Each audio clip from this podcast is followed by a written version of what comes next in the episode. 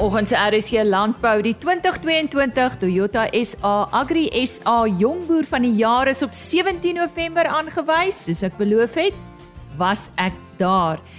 Toyota SA het ook tydens die geleentheid hul New Harvest Boer van die jaar aangewys, as ook 'n nuwe kategorie vir kominale boere bekend gestel.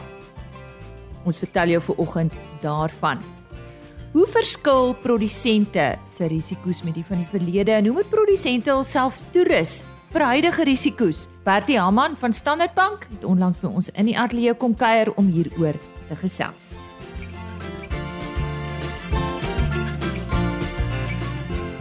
Dankie dat jy ver oggend saam kuier en 'n hartlike goeiemôre van my Lise Roberts. Eers landbou nuus. Vanjaar se nasionale meester suiwelboer toekenningsgeleentheid van die Landbou Navorsingsraad het ook op Donderdag 17 November as 'n hibriede geleentheid by Groot Vasante Kraal Landgoed in Kaapstad plaasgevind. Hierdie kompetisie vier uitstaande prestasie deur Suid-Afrika se topkommersiële en kleinskaal suiwelboere. Die wenners van die 2022 LNR Meestersuiwelboer toekenninge is die volgende: Die nasionale Meestersuiwelboer van die jaar vir 2022 en die Landbou Navorsingsraad spesiale toekenning vir innoverende ontwikkeling deur 'n suiwelprodusent in 2022 is Fair Cape Dairies in Durbanville in die Wes-Kaap.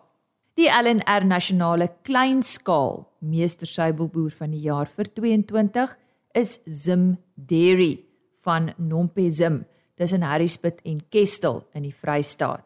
Hulle het hierdie toekenning vir die 4de agtereenvolgende jaar ontvang. Die LNR nasionale kudde met die beste somatiese seltelling het gegaan aan Etienne Zeeman van Swellendam in die Wes-Kaap met 170 000 selle per milliliter.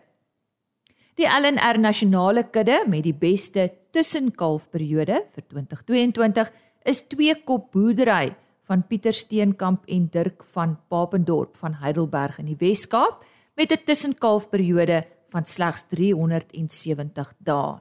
Daar was ook 'n spesiale toekenning, die LNR eretoekenning vir lewenslange bydrae tot die SA suiwelbedryf en dit het gegaan aan Pieter Pens senior van Groote Pos Darling in die Wes-Kaap. Baie geluk ook aan al hierdie wenners.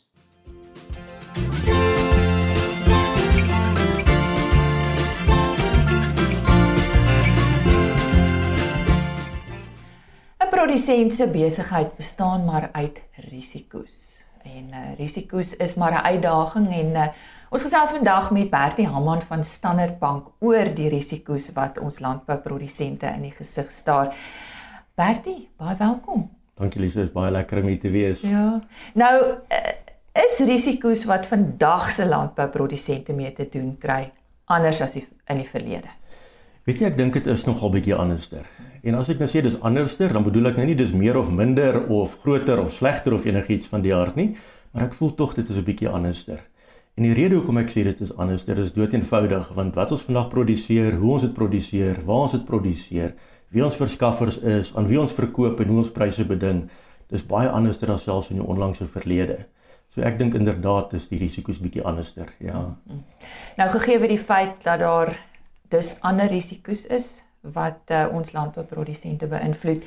Wat sê jy sê is die bepalende faktor vir landbouproduksie in Suid-Afrika in 2023? Ek dink daar kan natuurlik vele faktore wees. Ehm um, maar as ons dit miskien probeer kort hou en miskien meer 'n uh, bietjie fokus op die op die prominente dinge dan dink ek natuurlik kom klimaat uh, in ou se gedagte op. Ehm um, so ek dink die klimaatsomstandighede wat wat heidaglik geld en wat ons dink in die volgende paar maande gaan geld dink ek gaan 'n groot bepalende faktor wees. Ehm um, nou ek moet dan sê heidaglik lyk dit dan baie positief. Ehm um, so so dit dit laat jou daarom in jou gemoed 'n bietjie ligter voel ja. en ek dink 'n goeie gemoed is ook nog al 'n goeie goeie aanduider van wat in die landbou kan gebeur vir volgende jaar. So ek dink die klimaat is 'n baie groot groot rolspeler. Dan dink ek ook die plaaslike en die internasionale ekonomie gaan ook 'n groot rolspeler wees. Ehm um, ek dink die hele wêreld se ekonomie is baie broos op hierdie stadium en in 'n brose ekonomie ehm um, kan dit verbruikers se besteding en patrone bietjie beïnvloed. Ehm um, nou ja, ons is in 'n siklus waar ons werk met opwaartse rentekoerse, ehm um, verbruikers wat regtig waar onder druk is en as hulle bestedingspatrone verander, dan dink ek kan dit nogal 'n rol speel in vir ons kommoditeite wat miskien ondersteun kan word, ander kommoditeite waar die vraag dalk 'n bietjie na kan taan. Ehm um, so ek dink jy weet vir ons produsente kan partykeer bietjie bevoordeel word en ander kan dalk bietjie benadeel word. So ja, ek dink die tweede faktor is maar die ekonomiese omgewing. Ehm um, dan natuurlik landbou en kommersiële landbou kan nie bestaan uh sonder effektiewe infrastruktuur nie. Dit is 'n feit. En as ons oor infrastruktuur dink, dan is dit nou so ehm um, dat goed soos ons paaie en ons hawens en ons spoorlyne ehm um, en elektrisiteit en al die agentskappe wat hierdie ehm um, fasiliteite vir ons bestuur, maar in die onlangse verlede bietjie wankelrig gewees het. Ehm um, ek moet noem, ons hoor daar 'n positiewe geluide wanneer dit kom by senior besluitnemers maar dit voel tog maar of die implementering van die besluite so bietjie bietjie moeilik gaan partykeer. So ek dink die infrastruktuur is ook nog 'n groot rolspeler. Die volgende faktor wat ek dalk kan noem is natuurlik 'n beleidsomgewing wat gunstig moet wees. Ehm um, en die beleidsomgewing um, wil ek nie sê is ongunstig gewees in die verlede nie. Ehm um, maar weer eens die implementering van beleid op op op grondvlak was dalk 'n bietjie problematies geweest en 'n ou hoop nogal dat die die implementering daarvan baie beter gaan gaan gaan raak. Um, en dan die laaste faktor ehm um, wat ek graag wil noem is etiese en bekwame leierskap.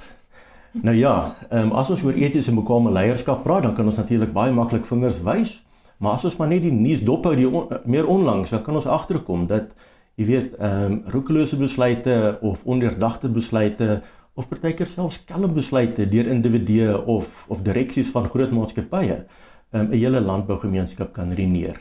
So daai dink ek is die faktore op 'n hoë vlak wat ek dink 2023 vir ons gaan gaan beïnvloed. Nou ja, die volgende vraag sal natuurlik wees, hoe kan jy as landbouprodusent jouself toerus om uh, hierdie faktore en risiko's die hoof te bied?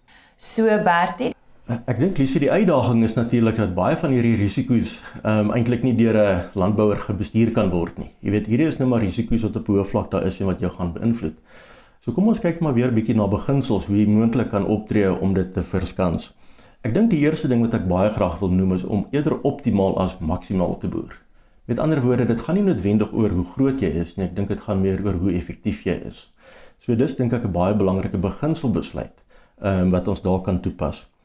Die volgende ene is deeglike boerderybeplanning en deeglike finansiële beplanning. En natuurlik wat saam met dit gaan is die dissipline om by jou beplanning te hou. Ehm um, as jy my gaan verskoon as ek 'n Engelse woord kan gebruik, ehm um, ROE, ehm um, in die finansiële omgewing ken almal daai begrip baie goed. Dit staan vir return on equity en mense dit staan nie vir return on ego nie. So dit is 'n baie baie groot fout wat baie keer gemaak word. Ehm um, jy, jy weet en met met ongelukkig baie slegte gevolge. Ehm um, ek dink die die laaste faktor wat ek miskien kan noem is diversifikasie. Diversifikasie was nog altyd 'n goeie beginsel geweest. Maar hoe ons dit toepas, dit is baie keer waar die hakplekke in lê. Diversifikasie beteken nie om 'n tweede boerderyvertakking te begin wat jou finansiëel onder druk gaan plaas of noodwendig kompeteer met jou primêre boerderyvertakking nie. So alhoewel diversifikasie baie goeie beginsel is, as dit verkeerd toegepas word, kan dit eintlik nogal lei na addisionele risiko's wat vermy moet word. Bertie, jy's nou nie hier om vir ons voorspellings te gee nie, maar as ons bietjie verder in die toekoms kyk, is daar enige ander verwikkelinge wat ons produsente van moet kennis neem? Ek dink nogal so Elise. Ehm um, een van die goed wat baie ehm um, genoem word heidaglik en waaraan finansiële instellings baie onderwerf word, is die hele ehm um, beginsel van koolstofneutraal wees. Ehm um, ek dink dit is iets wat baie positief vir ons landbouers kan wees, want dit behoort eintlik vir hulle 'n uh, 'n positiewe uitwerking te wees. So Ek dink um, om voordeel te trek uit die hele beweging van van van 'n koolstofneutrale produksieomgewing, gaan dit nodig wees dat ons landbouers hulle koolstofvoetspoor moet begin meet of dat dit selfs kan bepaal. So. Om ja, om jy af te sluit 'n paar positiewe verwikkelinge. Ek dink daar is nogal, ehm um, elke donker wolk het ook maar 'n silwer randjie. Ehm um, ek dink die afgelope 2 jaar veral het die rol van landbou in Suid-Afrika se ekonomie baie mooi deurgekom. En ek dink besluitnemers het deeglik begin besef wat is die rol van landbou. Ehm um, en ek dink as daai besef nou begin deurslag vind in beleide wat gestel word en beplanning wat gedoen word, dan dink ek is dit vir ons baie positief. Ehm um, ek dink 'n volgende ding is daar's baie groot belangstelling uit beleggers se oogpunt uit in landbou. Ons het heelwat beleggings begin sien en ek dink daar behoort baie meer te wees, veral as ons oordeelkundig um, gaan onderhandel. En dan miskien die laaste ding is ehm um, ek dink Suid-Afrikaanse landbou het baie meer toegang begin kry tot wêreldhandel wat baie positief is. Maar onlangs het die kostes van internasionale handel, die logistiek kostes was hemelhoog geweest. So al die voordele van 'n internasionale handel was eintlik ongedaan gemaak deur die groot kostes. Uh, maar ons het meer onlangs gesien dat die logistieke kostes drasties begin daal en ek dink veral ons vrugteuitvoerders kan miskien uitkyk na 'n baie meer gunstige omgewing in die volgende paar maande. Nou ja, daar's dan so 'n klein liggie aan die einde van daai donker tonnel, die risikotonnel. Bertie baie dankie vir jou tyd vandag. Dit was 'n groot plesier, ja. baie dankie. Bertie Haman van Standard Bank. 'n Gesprek wat ek vroeër gehad het met Bertie Haman. Hy's 'n uh, kommersiële hoof by Standard Bank Agri besigheid. As jy nou eers ingeskakel het, goeiemôre. Jy luister na RSG Landbou. Baie welkom. 'n Hoogtepunt vir my op die RSG Landbou kalender is die bywoning van die jaarlikse Jong Boer van die Jaar kompetisie. Dit staan bekend as die Toyota SA Agri SA Jong Boer van die Jaar toekenning.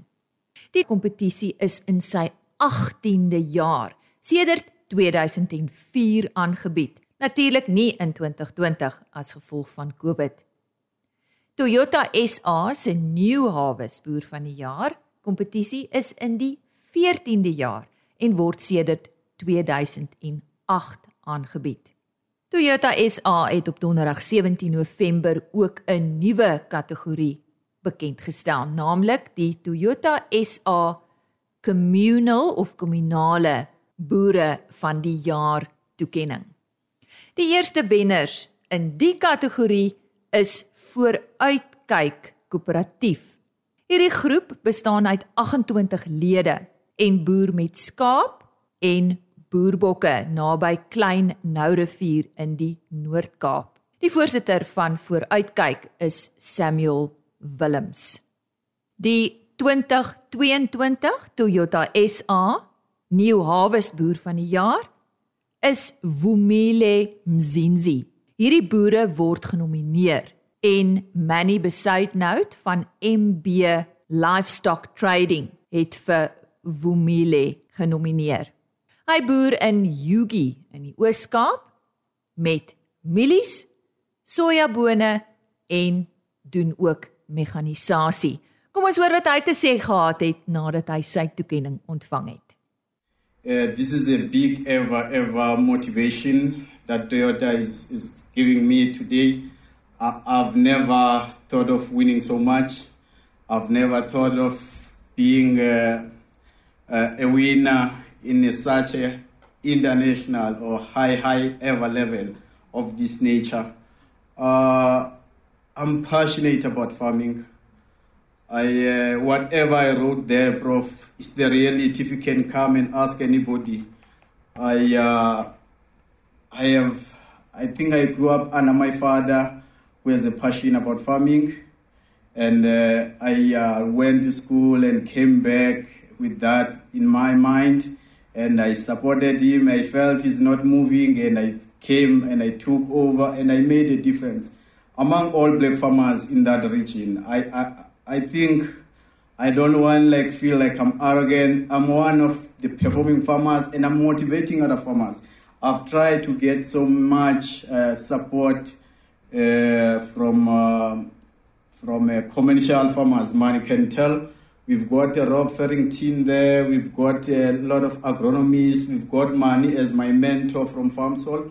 Uh, FarmSol is also sponsoring us uh, with no interest uh, for 100 hectares. And uh, we've got Humans of Co-op who's very, very, I'm here today, I would believe it's because of Humans of Co-op. Uh, it has made difference. There is legal funding from government for mechanization, which do not necessarily necessarily can move someone to somewhere, but they do limit the risk when it comes to having a lot of foreign capital like we have now. Uh, and uh, each and every year, I try to move up a little bit. I try to get whatever funding I get. Uh, in fact, whatever capital I get, even if it's mine from somewhere else, I invest in the business. I've been doing so. I haven't even get a cent for the last four years. I've been putting money to business. If anything comes, I buy tractor. Those tractors that are there, most of them we just try every time we harvest. We add on whatever we ha- we get as a, as a, as a profit, and then buy a tractor. And every year we've got a plan. And um, I just want to motivate uh, uh, uh, my uh, the other winners. Uh, like uh, that to David, I saw him, I'm sitting by him there, Mr. Franz, that we should continue motivating other farmers. I see that uh, Mr. Franz is also doing mechanization. I do mechanization for other farmers. Um, and I can tell you I'm pushing, but at the same time, I support other farmers. At the same time, I'm the secretary of mechanization center, which is a much, much, much giving us problems at the moment because we've got all guys there. Uh, uh, I think that they have the plan of the old ways and the way that is going this way, not the way that can help farmers. And then we have to break that barrier. Yeah. Yes. Um, it's a lot that I, I could say, but I would like to thank you, Toyota, so much. I wouldn't be happier than this. Uh, I appreciate. Thank you. Vumile Mzinzi van Yugi in die Oos-Kaap die Toyota SA New Harvest boer vir 2022. En nou vir die Toyota SA Agri SA jong boer van die jaar. Hannes Wolfhard van Giani in Limpopo. Die 34-jarige Hannes het vir die tweede keer ingeskryf. Hy is van Agri Limpopo en het in 2018 ook 'n toekenning ontvang as Agri Limpopo se jong boer van die jaar. En hierdie is wat hy te sê gehad het donderdag aand. Uh goeienaand almal. Uh good evening. My English is not the best, but uh I'll start off in English. Firstly, uh thank you very much for all the sponsors for the competition. Uh we really appreciate uh all the sponsors that support the farmers in South Africa and to help us to produce and contribute to South Africa. Ja, en dan gaan ek maar oor in Afrikaans gaan. Ek dink ek het my ding gedoen. Uh ja, ek wil heel eers begin iets 'n bietjie agtergrond gee oor wat hoe ons ding begin het. Net so 'n bietjie reflect. Ehm um, Ons het 2011 begin met 3 hektaar hier grond ek en my broer. Was 'n tawe lang journey geweest. Ehm um, hierdie beteken regtig baie vir ons as 'n boerdery. Ehm um, Ja, ons het gegroei. Ons eerste oes was 6000 boksies gewees op peppers. Ons het gegroei. Ons boer nou so 30 hektaar peppers of 25 hektaar nettes. Ons het tomaties en sitrus. Ons doen so hier by 400 000 boksies peppers nou en so 500 000 net so onder 500 000 tomaties en dan ons is eerste sitrus is op pad. So ons sien baie daarna. So net so 'n bietjie agtergrond en ons uh het 350 mense wat op die plaas werk. Ek wil eers uh, net ook sê Dankie vir die Here vir al die seëninge wat hy vir ons gee. Hy hy ons sal baie ja. Dan um, dan wil asseblief my broer Rian en my my skoonsis Jolino proep vir aan die land toe. Dat hulle hier by kom staan. Hierdie is 'n familieboerdery. Ons het baie hard gewerk om kom ons vandag is ure ja, ek dink nie daar is ure nie. Ehm ons pa het ons geleer om hard te werk, nie op te gee nie, om vir ons girls te gaan. Hy's oor 16 oorlede. Maar ek dink hy's baie trots op ons. Ehm um, ja. Nou wil ek net vinnig ek sê Agri Limpopo, Agri Letaba, Agri SA, dankie vir alles wat julle doen vir georganiseerde landbou vir ons boere, veg vir ons vir uh, goed waar vir ons as individuele boere nie kan individue nie kan veg nie. Jy weet wat op 'n groter front geveg moet word. Ehm um, ons wil net baie dankie daarvoor sê. Ja, en dan weer eens ehm um, Uh dankie aan al die uh, borge en dan heel laastens my vrou wat nie vanaand hier kan wees nie. Ehm um, en my twee seentjies. Miskien ja, dankie vir alles wat julle vir ons doen. Alrite, dankie julle. Maar weer. Die baie dankbare Hannes Wolfart 2022 se Toyota SA Agri SA jongboer van die jaar van Wolfhard Boerdery in Giani in Limpopo. Wil daarom ook net noem dat beide hierdie boere, die New Harvest boer en die jong boer, het elkeen 'n Toyota Hilux bakkie van uh, Toyota persent gekry. Volgens verjaar se beoordelaars was die standaard van die jong boere baie hoog en dit was 'n moeilike keuse Daar was drie beoordelaars, maar die hoofbeoordelaar, professor Carlo van der Westhuizen van die Sentrale Universiteit vir Tegnologie in Bloemfontein, gee nou vir ons 'n samevatting. Goeiedag Lisa. Wat van verjaar se roete betref, het ons 7501 km afgelê terwyl ons al die kandidate in die 9 provinsies besoek het. Ja, in teenstelling met verlede jaar hierdie tyd se koue en uh, baie reën, was dit baie warm gedurende die 2 weke en in Natal het die bakkie se temperatuurmeter selfs 39 grade Celsius gewys op 'n tyd. Maar weens verlede jaar se goeie seisoen in die grootste dele van die land was dit pragtig groen en welig natuurlik. Onwettige padversperrings het ongelukkig ook ons rit uh, sporadies belemmer. Nadat die pad skielik in die middel van nêrens deur betogers geblokkeer is, ons meer as 100 km draai ry om weer by ons aanvanklike bestemming te kom. Die volgende dag is ons gelukkig by die gastehuis ingelig van heelwat paaie rondom Witrifuur wat ook deur betogers versper word. En kon ons daarom onverstoot ry alhoewel dit 'n ompad behels het en wat baie tyd en koste implikasies meegebring het.